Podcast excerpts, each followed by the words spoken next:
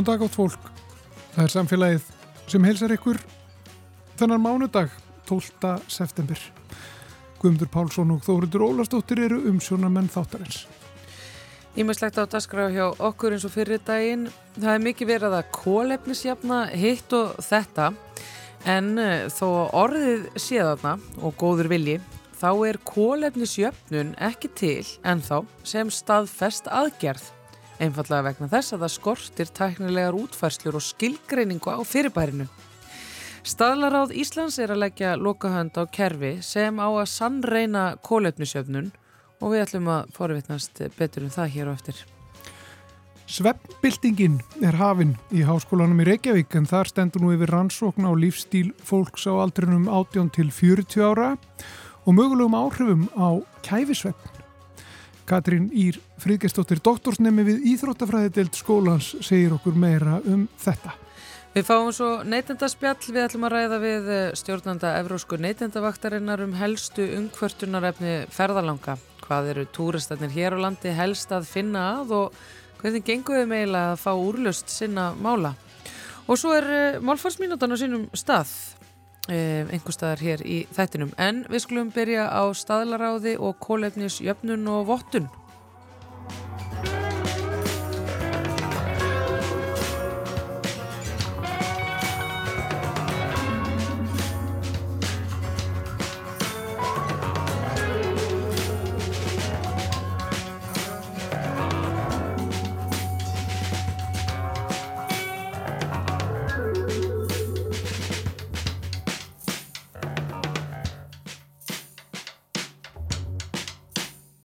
Við erum alltaf að heyra meira og meira um kólefnisjöfnun en þessu fyrir bæri er haldið á lofti víða í samfélaginu hjá fyrirtækjum, stopnunum, jáfnvel einstaklingum og því haldið fram að með kólefnisjöfnun sé verið að þurka út kólefnissporið sem fylgir nánast öllu mannana verkum.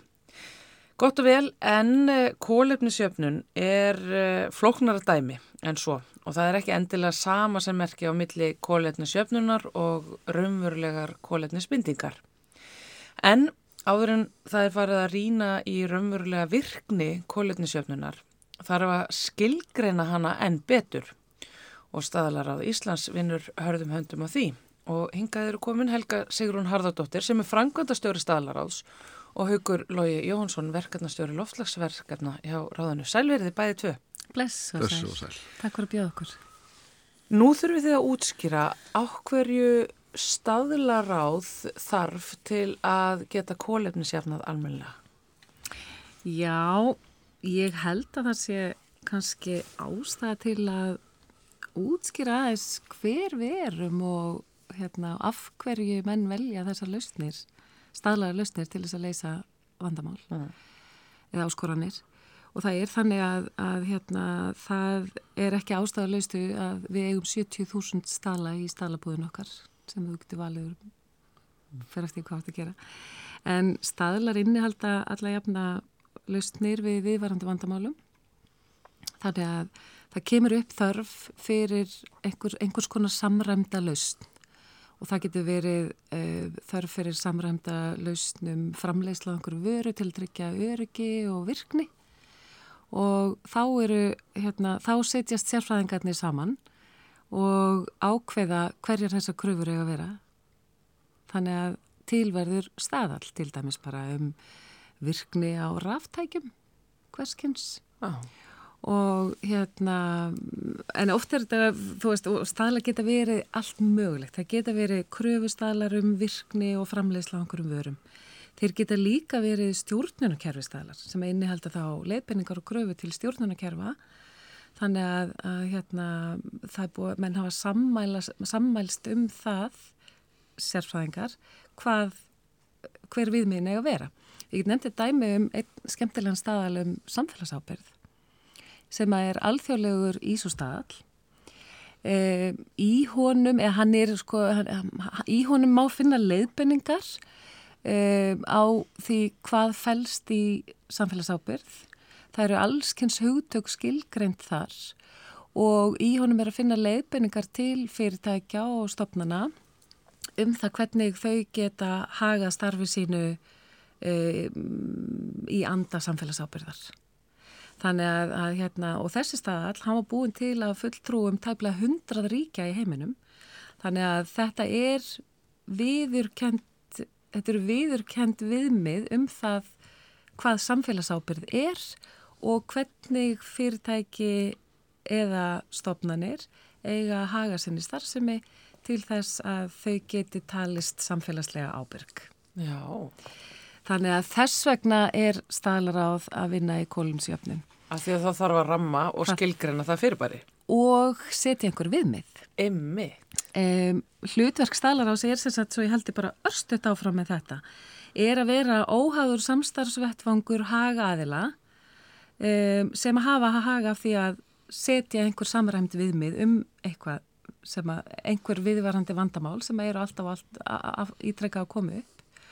Og við erum þannig íslenska pústlið í heimsbylinu af því að við höfum aðgangað að um, ISO og EIC sem eru alþjóðlega stælarsamtök við hefum líka aðeild að evróskun stælarsamtökum þannig að við hefum, höfum aðgangað hundruðum tekninemda mm -hmm. fyrir íslenska sérfræðingar að setjast inn í og fá upplýsingar og hérna og fylgjast með því sem er að gerast þróun í alls konar máluflokkum eins og umhverfsmálum og þannig hafa þeir líka möguleika að hafa áhrif á það sem gerist inn í þessum tekninemdum og við eigum dæmi um íslenskar hugmyndir sem að hafa orðið að ísóstaðli, alþjóðlegum staðli.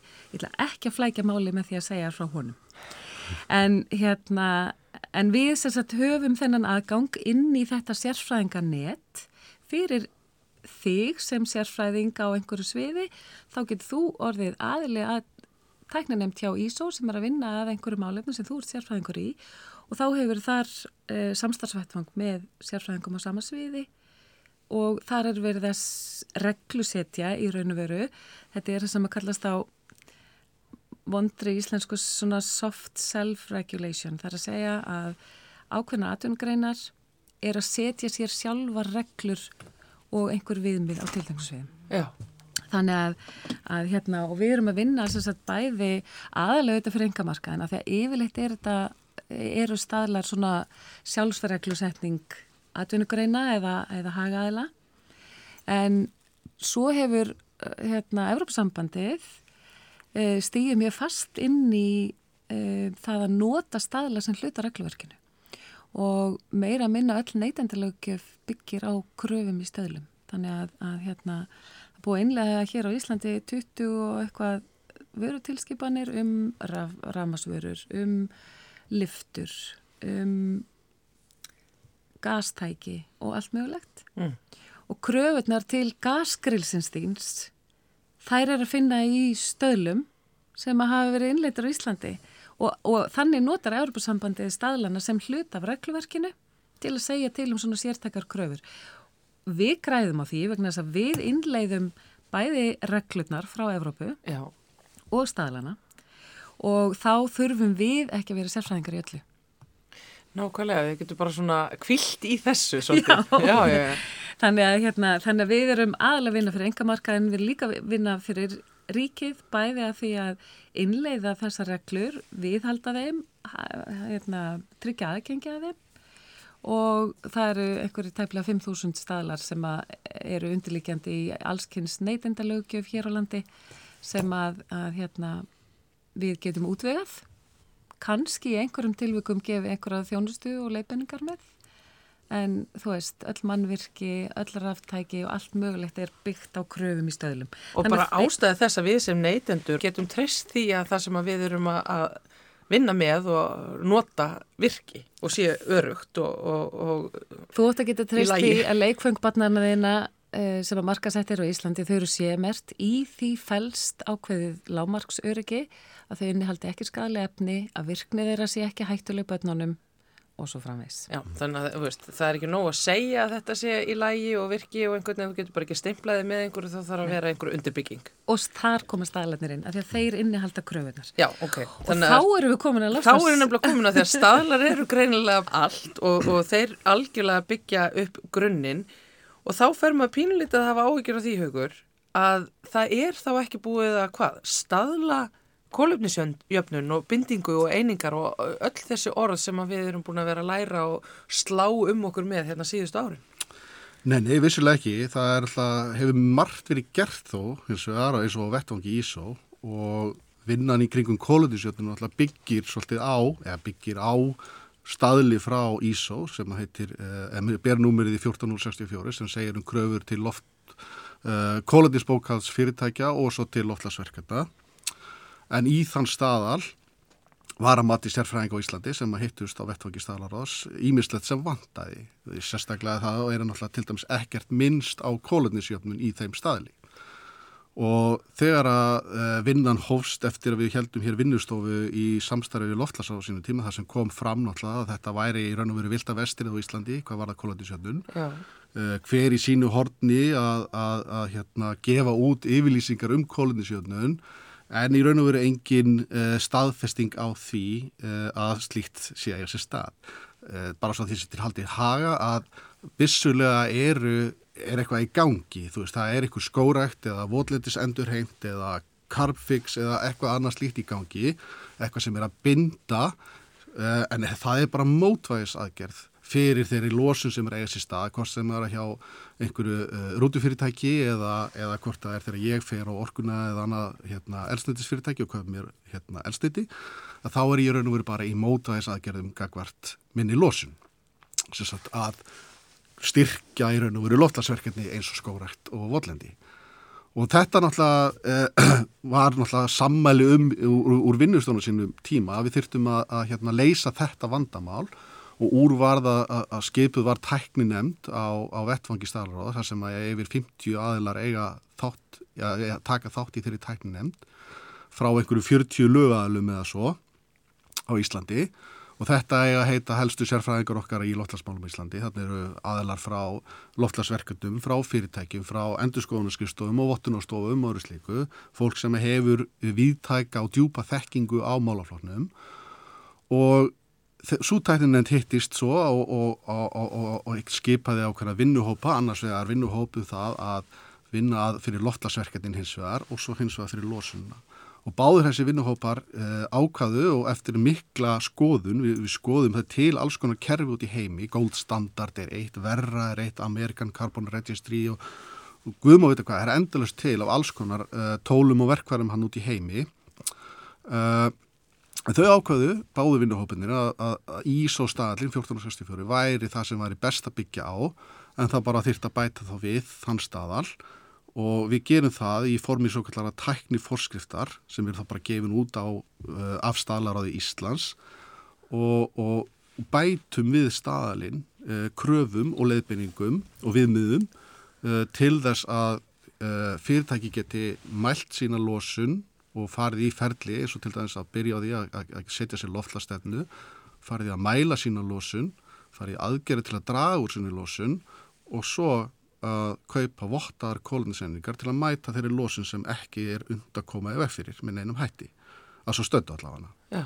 Og svo þarf náttúrulega allt saman að, að, þú veist, gefa út, það þarf að vera allt saman, hérna, það þarf að vera gagsa í þessu, það þarf skýslu gjöf og það þarf svo óháðan aðila, vottunar aðila, endur skoðanda til þess að taka út allt sem þú ert búin að gera og staðfesta það að þetta sé raunverulega það sem þú gerðir og, og þetta sé allt saman eðlegt.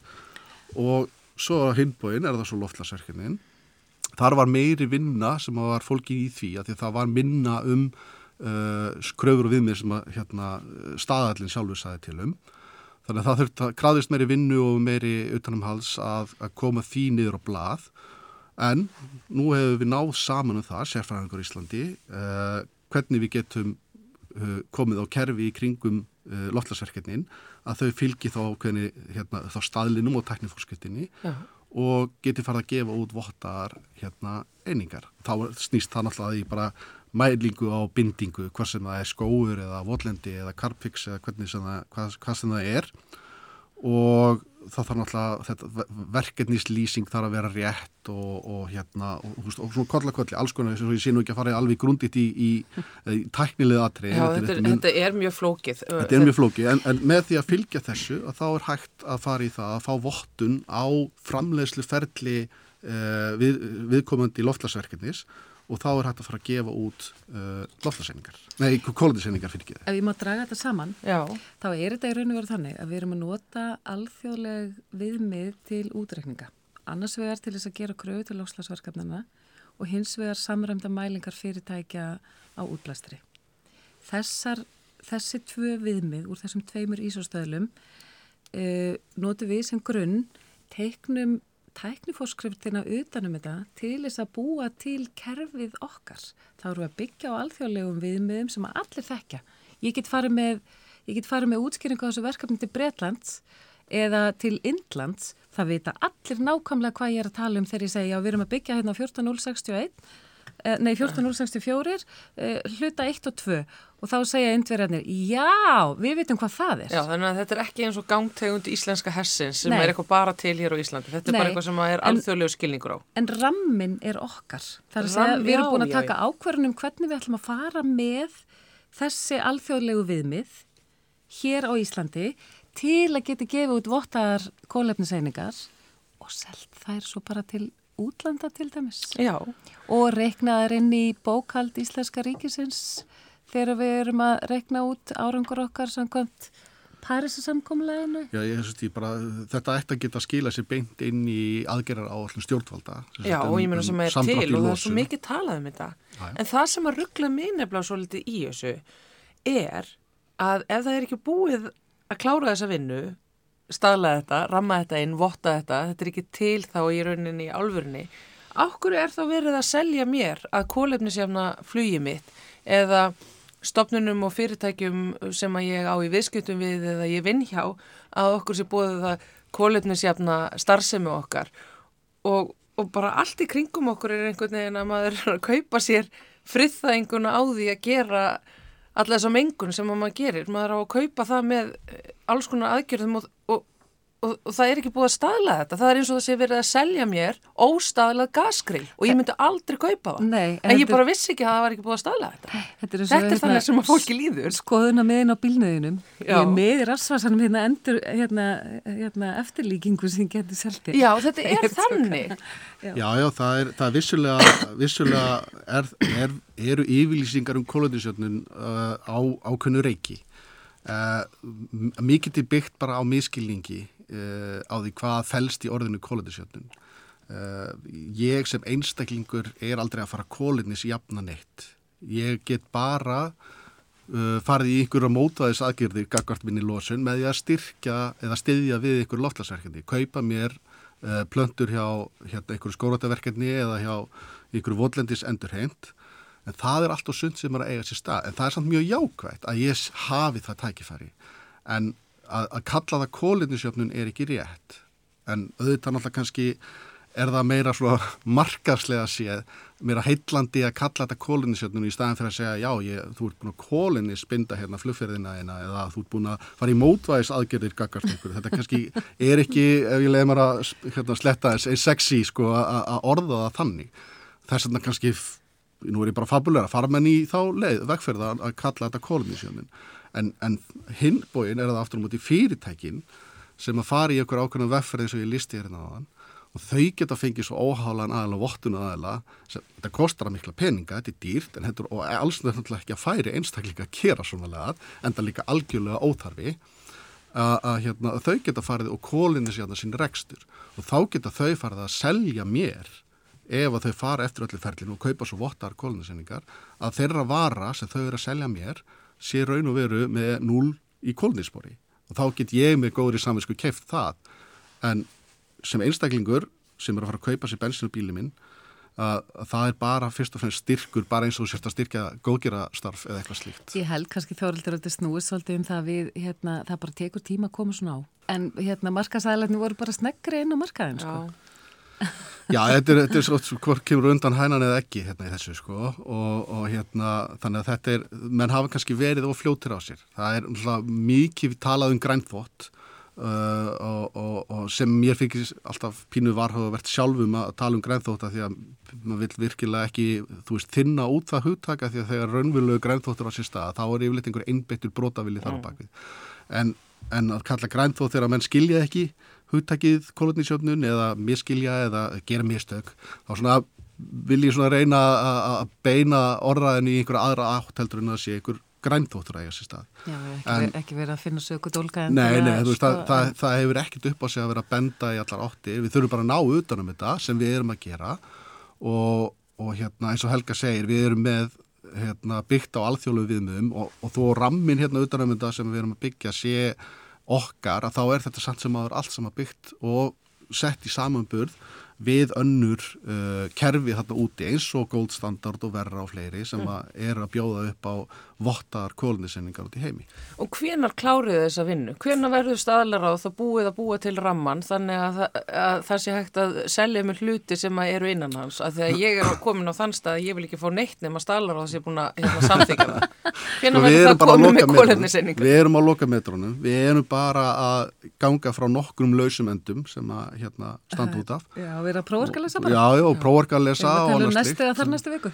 Já, þá ætti tæknifórskiptin að vera útgefin. Eh, það mun svo náttúrulega taka tíma fyrir fyrirtæki sem er í, er í vekkferðum að kólnitsatna sig að þú veist að, að kaupa staðalinn og tæknifórskiptina og fara að vinna eftir þessu og setja þetta upp og fá svo vottuna aðla og vandamálun náttúrulega er að það er svo sagt, vottuna aðla og Íslandi eru kannski ekki hérna alveg til þess bæri eins og er en verða það vonandi í framtíðinni að hérna votta þetta en, en það eru erlenda vottunarstofur sem eru í tengslu við Íslandinga sem að geta gert það og, og hérna þannig að loftlagsverkefni og fyrirtæki í Íslandi það er ekki eftir eina bíðaðurinn að veru fyrir að hafa vegferðina. En það sem er svo fallegt við þetta er að sko hérna allir stæstu hagaðalarnir þeir komu sér saman um viðmiðin. Þeir settust millir 40 og 50 manns við borð ítrekkanir í stælaráðu og svo er bara hvernig ætlum við að gera þetta? Við ætlum að nota þessi alþjóðlegu viðmið, já, af því að það veit allir hvað það þýðir. Svo ætlum við að búa okkur til bara regluverki um það hvernig við ætlum að nýta þessi, þessi alþjóðlegu viðmið og hvað kólefnisjöfnun þýðir í raun og veru. Hún þýðir það að bæði loslasverkefnin og fyrirtækin, e, að þeir sem að selja einingarnar og þeir sem vilja kaupa þær, þeir þurfa að uppfella ákveðin grundvallarskilirði og það þarf þriðja aðili að votta eða sérst, faggiltur aðili þarf að taka verkefnin út og sannreina að kólumseiningarnar hafa voruð til að fyrirtækin séu að mæla sinn útblástur eftir samræmdum reglum og þá er ekki títi fyrirstöðu að það, þetta mætist á markaði. En eins og ég segi, þetta voru hagaðalegni sjálfur sem að settist við borð þegar komist að nýðustöðu um það hvernig er alltaf að gera þetta og í því fælst fegurð staðlastarfs það eru bara alltaf allir þeir sem að haghafa af því að búa til samrænt viðmið sem setja ringin í kringum borði og sammælast um það hvernig þeir vilja hafa hlutina. Já, staðlar vissulega fallegir en flóknir, ég segi bara hlakka til að þetta verði komið almennilega af stað og, og við getum fengið að, að gera hluti sem að eru þá undir byggðir af ykkur í staðlaráði af því að maður eiginlega treystir einhver fyrir hann að þið eru búin að fara höndum um það, það er eiginlega komið þannig. Helga Sigrún Harðardóttir, frangatastjóri staðlaráðs og Hauglógi Jóhansson, verkefnastjóri loftlagsverkefna þar. Takk heilega fyrir komina í samfélagið. Takk, Takk fyrir áhugan.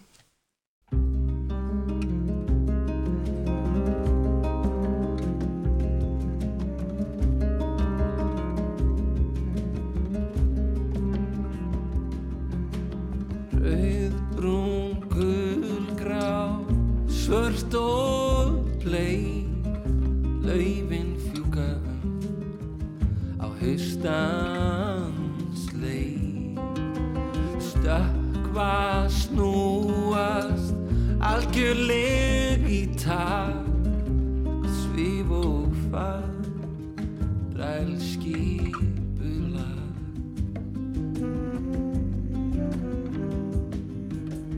öll Ölvaðir þrestir er að rýfa kjátt, fljúast á, drekka berjarsa. Kjarrið brakar, kvíslar ofur hljóð, vangaðu við mig í alla.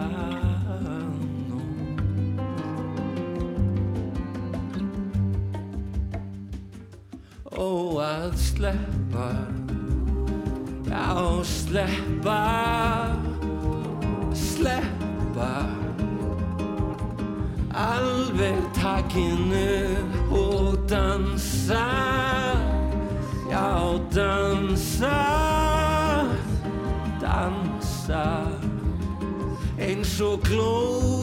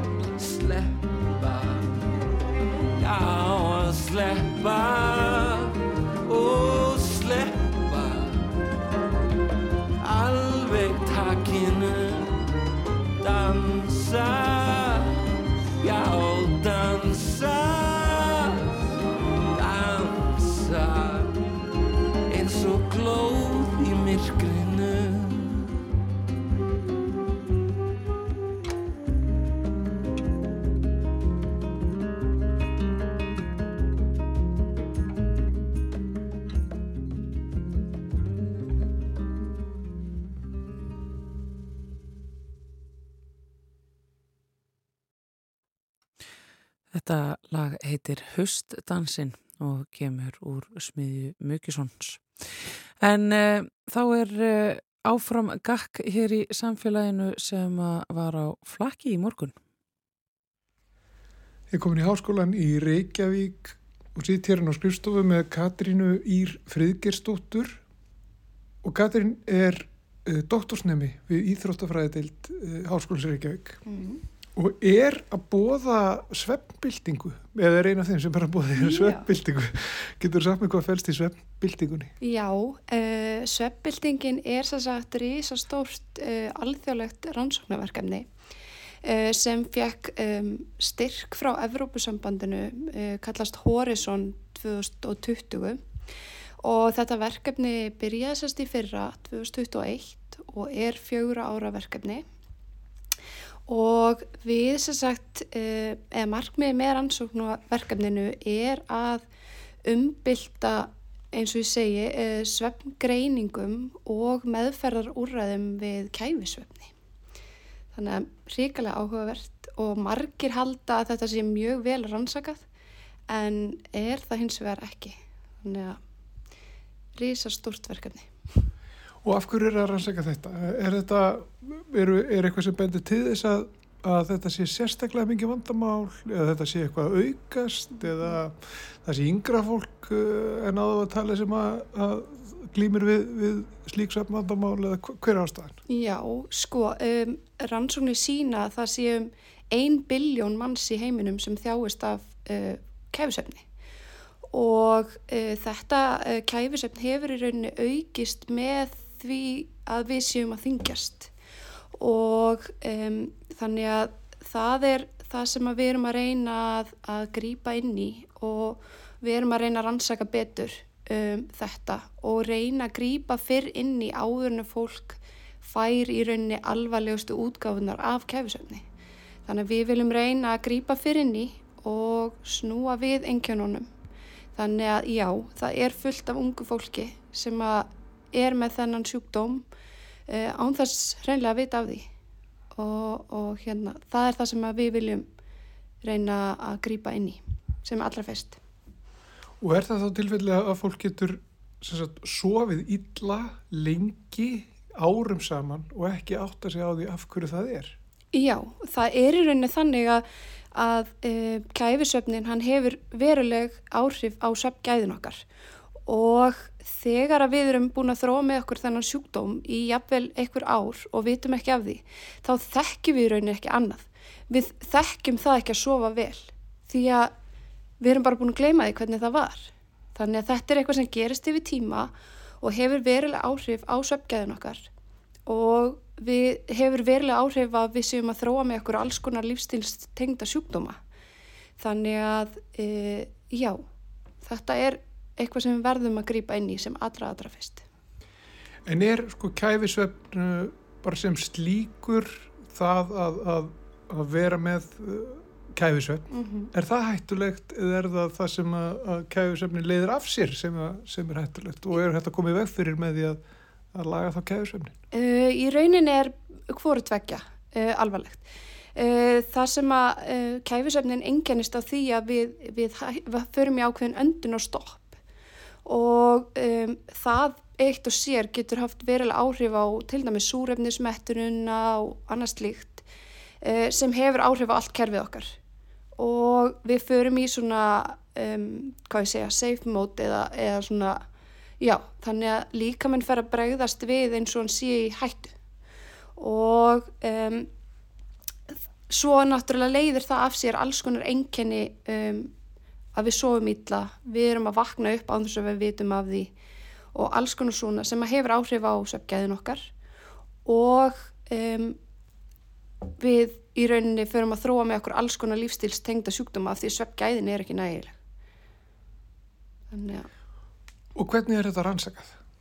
Uh, við fáum fólk til okkar í svefnmælingar og þar sem að við, eitt af hlutverkum uh, verkefnisins er að gera greininguna á um, svefnsjúkdómum og um, já, öðru slíku aðeins svona persónulegri. Og fólk, við erum sérst að færa uh, svefnmælingarnar orðið heim til fólks. Þannig að fólk þarf ekki að koma og sofa hér hjá okkur í HR eða upp á spítala tengt við alls konar tæki og tól heldur fær fólk að vera í sínu umhverfi þar sem því líður vel og þar um, erum við að reyna að fá með litlum, nettum, tækjum og tólum eh, góð svefgæði af því að við erum í okkar eigin umhverfi. Þannig að um, það er það sem við gerum til þess að meta í rauninni þessa sjúkdóma og svo erum við að fylgjast með, við erum að láta fólk ganga með snjallur, við erum að fylgjast með hjartsláttartíðni, skrefatíðni, eh, við erum að fylgjast með hugranum, eh, já, hugranni getu, með alls konar eh, hugranum verkefnum, fólk er að svara hjá okkur sveptabókum og þannig að við erum að skoða á mjög breið og víðu sviði. Um, og, og reyna að finna bestu lausninar bæði fyrir greiningu og meðferðar úræði við kemsefni. Og ef við veltum aðeins fyrir okkur meðferð, hva, hvað er þetta að gera? Já, það er kannski eh, verkefni sem við erum núna með í gangi og munum halda áfram með og erum að auglýsa eftir fólki. Eh, það er þessi lífstílsbreyting sem að við, eh, af því að fólk sem er með annarkort hrítur eða með vægan kæfisvepp, það eru mjög takmörkuð úrraði fyrir þetta fólk og úrraðin eru felast í einhverjum ráðleggingum um að leta sig eða hætta að reykja eða drekka minna áfengi, eitthvað slíkt en þessar ráðleggingar eru ekki staðlar. Þannig að það sem að við erum að gera með þessi lífstilsrannsók sem við erum með í gangi er sem sagt að um, þróa staðlaða meðferð uh, við vægum kæfisvefni þar sem við erum að reyna að grýpa inn í áður en fólk þarf að fá uh, grímu til þess að sofa með um, og reyna að snúa enginunum við. Og það felur í sér um, breyting á lífstíl þar að segja reyfingu um, næringar uh, við hérna ráðleggingum og öðru slíku. Þannig að það er það sem að um, þessi lífstílsrannsók felur í sér. Þar eru við að leitast eftir fólki sem er ungt um, hefur uh, rítur eða hefur sterkan grun um að sé með kæfisöfn. Og fólk veit það oft ekki sjálft. Oft er það makin sem að veit það. Þannig að endilega þeir sem að eiga maka sem rítur þá bara endilega pikka í hann og segja hann um að skrá sig hérna inn á Sreppsetur síðu um, Háskólas í Reykjavík. Þannig að þetta, þetta er núna í gangi það er verið að leita að fólki til þess að taka þátt í þessari rannsók. Já, og við erum að leita eftir fólki sem er á aldrinum 18 til 40 ára og stundar ekki reglulega hreyfingu. Um, það er frábært ef fólk býr á höfuborgarsvæðinu og um, já, þannig að við erum að leita ungu fólki og, og hérna við um, náum við að umbylta svefnheiminum af því að það er uh, svo mikilvægt fyrir ungt fólk að taka þátt í rannsóknum og og þegar ungt fólk tekur þátt í rannsóknum og við náum að bylta einhverju, þá verður það mjög reykið að sjálfu sér að hafa tekið þátt í þessari umbyltingu þegar það eru eldra og, og, og veitað það lagður sitt í púkið að, að hérna, umbylta svefnheiminum. Um, er þetta rannsóknir sem að, að vantar mikið upp á? Er, er, er vegna þess að maður heyri alltaf meira af, uh, af því að, að hvað svefnin er mikilvægur sko. mm -hmm. og það er alltaf verið að ráleggja fólki það þurfa nákvæðum svefni og það er ekki verið að vaka að óþörfu og ekki verið með tækin sín inni hjá sér og allt þetta sko, sem við mhm. þekkjum og ekki drekka uh, orkudrykki eftir klukkan eitthvað og hætta að drekka kaffi klukkan mm. klukkan 2 daginn eitthvað svona Já, það er alls konar svona ráð sem fólk fær og það eru margir sem er eftir með svefn um, hefur þetta verið vanrægt að, að, að skoða nákvæmlega þetta? Sko, uh, greiningaferlin og, og, og það að rannsaka svefnin hefur verið hinga til mjög dýrt og um, hlutverk, einmitt eitt af hlutverkunum er að gera þetta ódýrara, þar að segja sveppgreiningarnar uh, með þessum minnitækjum og þar sem fólk fer heima og þá þarf ekki að borga, þá þarf helbriðskerfið uh, ekki að borga fyrir starfsfólk sem uh, vakir yfir fólki sem er sofandi í sveppransóknum og þannig að það er einn hlutin um, að þetta hefur bara verið gríðarlega dýrt og bygglistarnir á, á spítulánum mjög langir fyrir greiningum á svona sveppsjúkdómu. Ef einhver vil taka þátt í þessari rannsók, þú, þú segir það er sveppsetur, .is sem fólk getur farið inn á uh, Sveppsetrið, uh, sveppsetur.ru.is þannig að uh, örgulega bara best að googla sveppsetrið þá hérna En hvað gerir svo? Uh, þá fara þau inn á ákveðna síðu þar sem þau svara ákveðnum spurningum og ef, þau, ef fólk uppfyllir kröfur til þess að taka þátt í rannsókninni þá er bara haft samband við það og, og, og þau fengin í frekari í rannsóknir. Já. Og er þetta, er þetta stórt verkefni? Verðið lengi að, að vinna þetta verkefni? Já, við, um, það er sérsagt uh, aðeins byrjað, um, einn hópur sem er núni í gangi og við heldum áfram eftir áramót og þetta er gríðilega stór rannsókn, uh, samanbori við um, aðra rannsóknir sem hafa verið gerðar svona á sambarilegum þáttum. En, en þetta er alveg öruglega eins og stærsta þannig að við ætlum eins og sé að reyna að umbylta svefnheiminum og Já. þá þurfum við fólk með okkur í lið. Það er svefnbylting framöðan yes. Katrin Ír uh, Fríkistóttir doktorsnemi hér uh, við Íþróttafræði deild Háskólan Reykjavík. Takk fyrir að, að taka mótum og segja okkur frá þessu. Takk.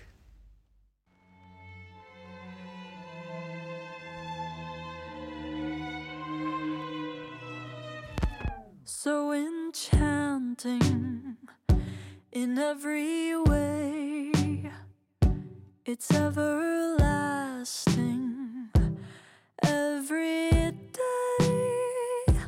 Sweet obsession, rose bouquets. Oh, it's heaven, or so they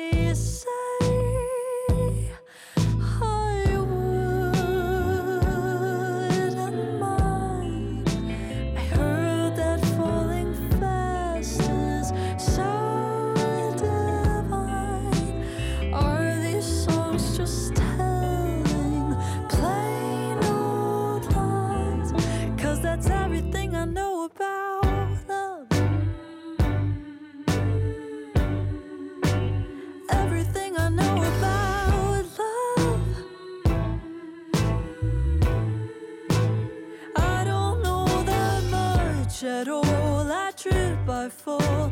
Every time I try, it's all too much. That's everything I know about love.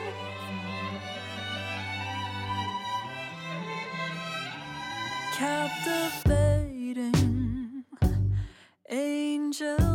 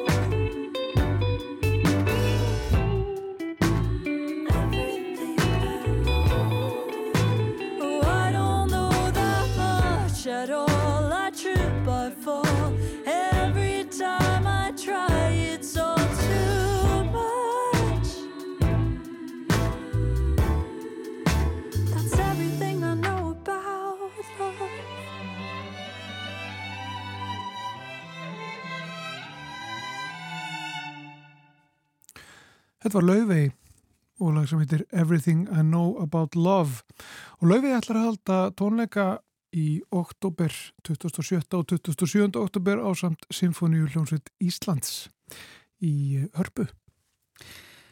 En áður við höldum áfram hér í samfélaginu er tilvelið að segja ykkur frá því að síðdeis í dag verður um, stórri spurningu svarað um, og það er um, skóraktafélag Ísland sem ætlar að svara þessari spurningu.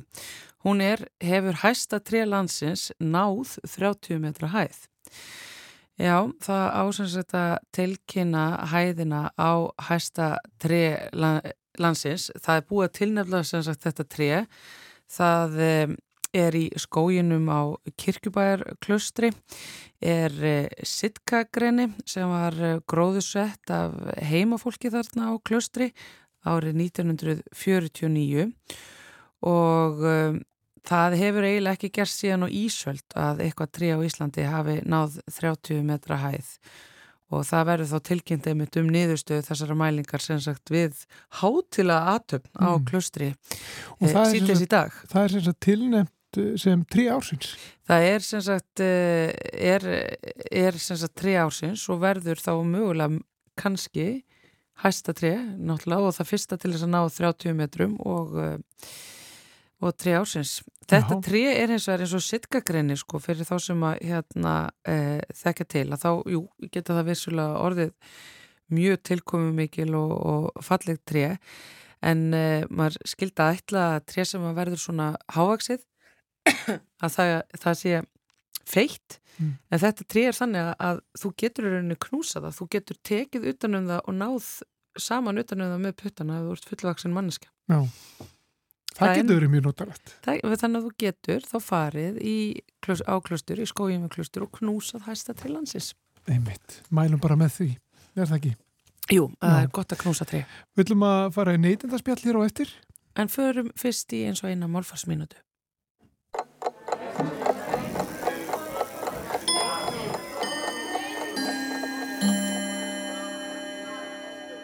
Bæði talamál og rita tjá hugsun.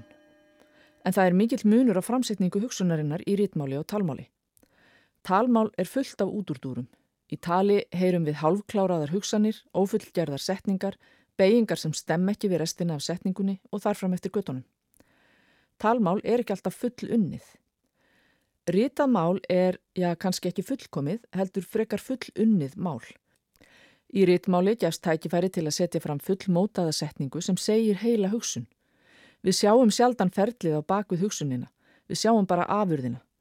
Við vitum ekki hvað það hefur tekið langan tíma að móta hugsunina, en það er allavega búið að mótana þegar hún kemur fyrir augu lesandans. Þetta er ein byrtingarmyndin á muninum á talmáli og ritmáli.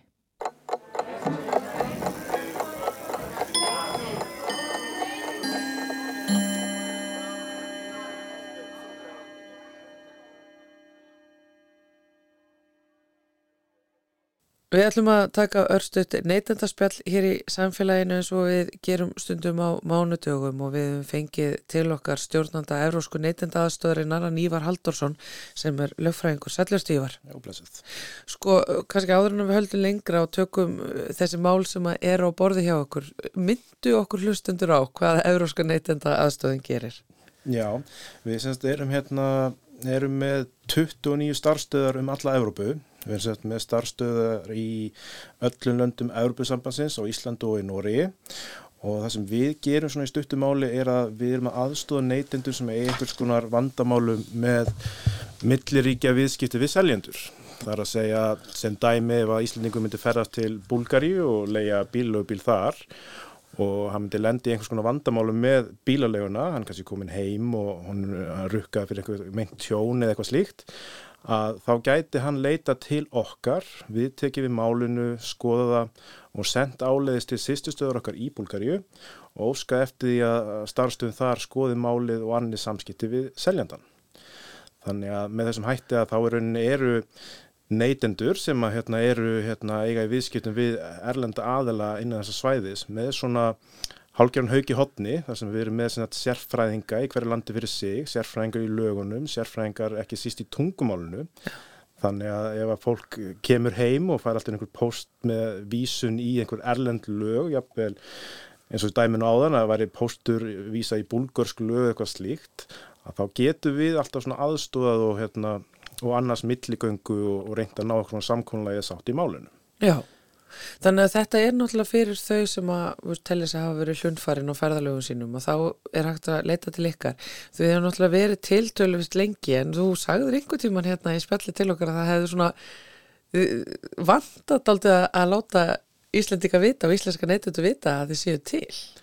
Já, við höfum svona fyrst og fremst verið svona stöð sem að sem kannski fær mun meiri mál til okkar frá erlendum aðilum heldur en að við sendum út frá Íslandingum kannski er það eðlilegt, það er náttúrulega við kannski erum Íslandinga fáin með við aðra stöðvar sko.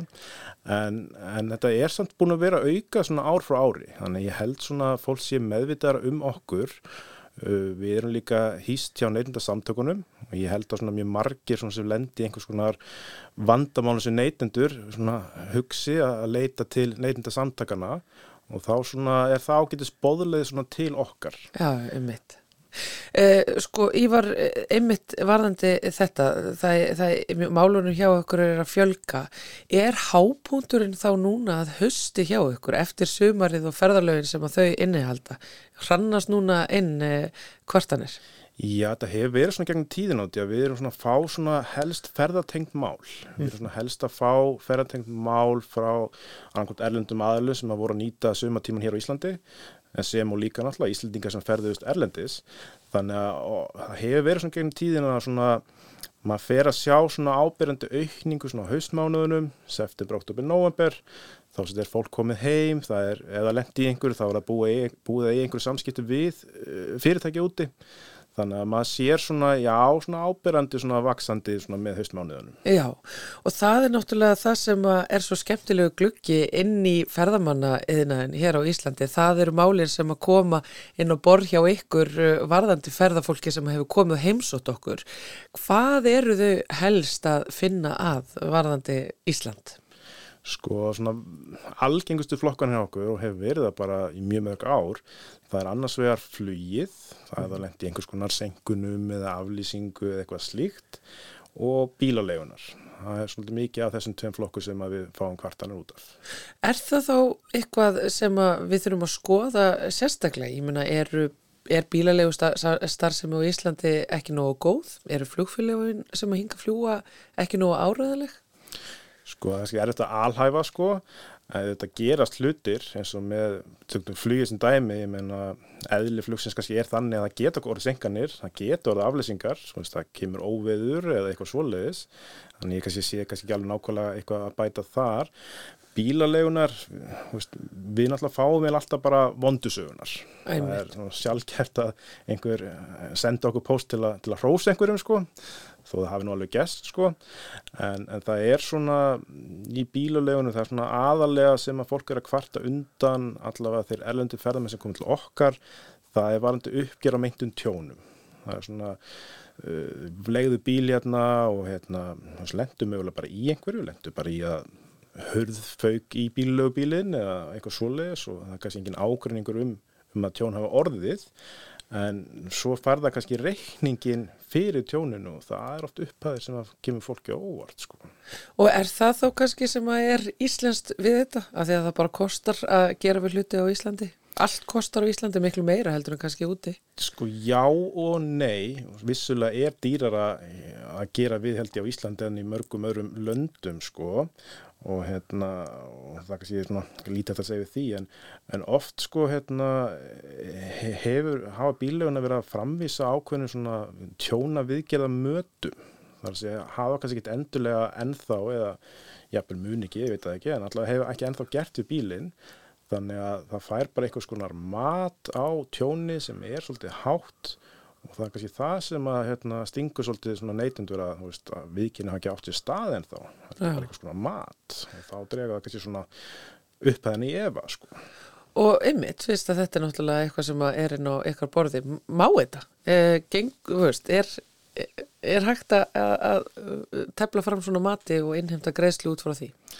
Við teljum svo í rauninni ekki vera og, og því að sko mat þarf ekkit endilega að endurspekla raunverulegt fjárhastlegt tjón bílulegunar sko og svo hefur maður séð möt sem hafa verið framkvæmt sko á þess að viðkomandi aðili hafi jafnvel séð bílinn.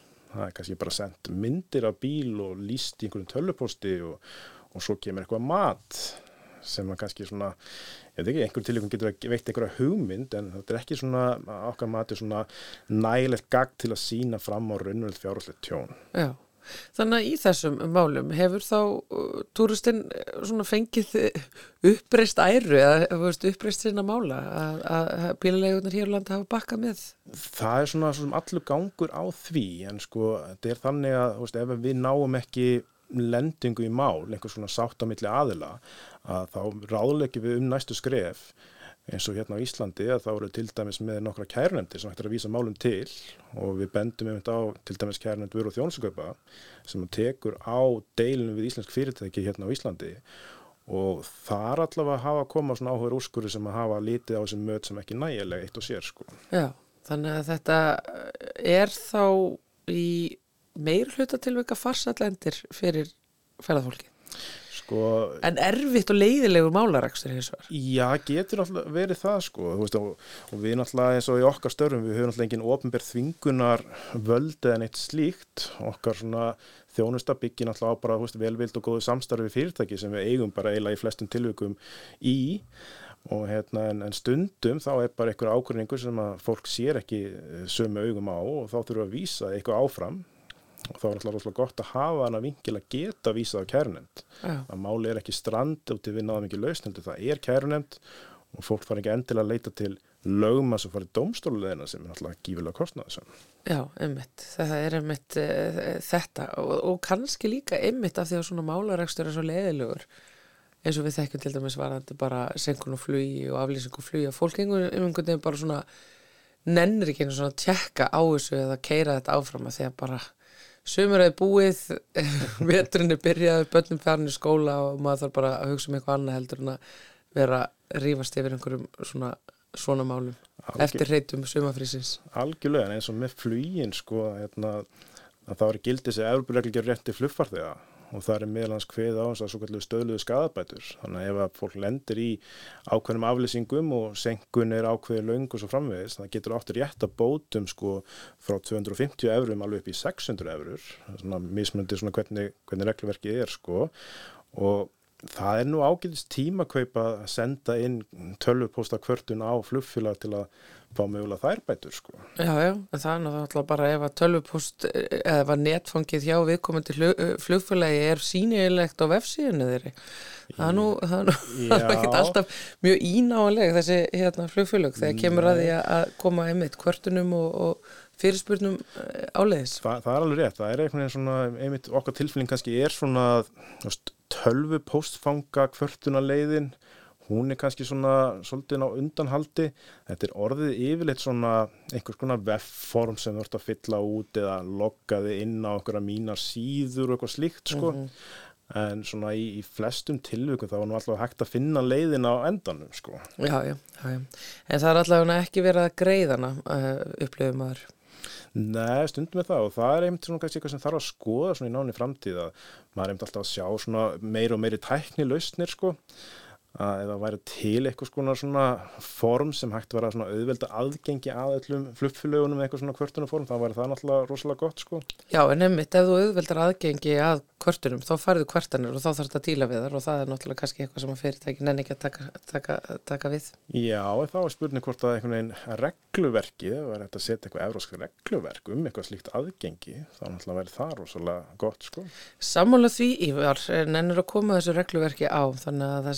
að setja smá þrýsting. Já, já, ég, ég nefndi þetta á næsta fundi. Já, gott já þér, við fáum að fylgjast með, með því og, og þeim málum sem að inn á bortileikar koma áfram. Ívar Haldursson, stjórnandi Eurósku neytendaðastöðarinnar, tjekkið á þessu ef að það er eitthvað þarna um, vesen eftir sömafríin ekkar sem að þið viljið skoða hvort það er rétt á bátum, bótum. Já, takk fyrir komuna. Já, takk. Og þannig ljúku við samfélaginu þennan mánudag. Uh, Guðmundur og Þóruldur Takka fyrir sig í dag. Á morgun þá ætlum við að uh, aðeins að sinna uh, setningu halþingis Já. sem er á morgun. Þátturum verður líka steittri af þeim sökum en hann verður þá bara helmingi skemmtilegri. Missið ekki að því þegar Þóruldur Ólastóttir og Guðmundur Pálsson koma til ykkar klukkan 13. Verið Þáka sæl. til.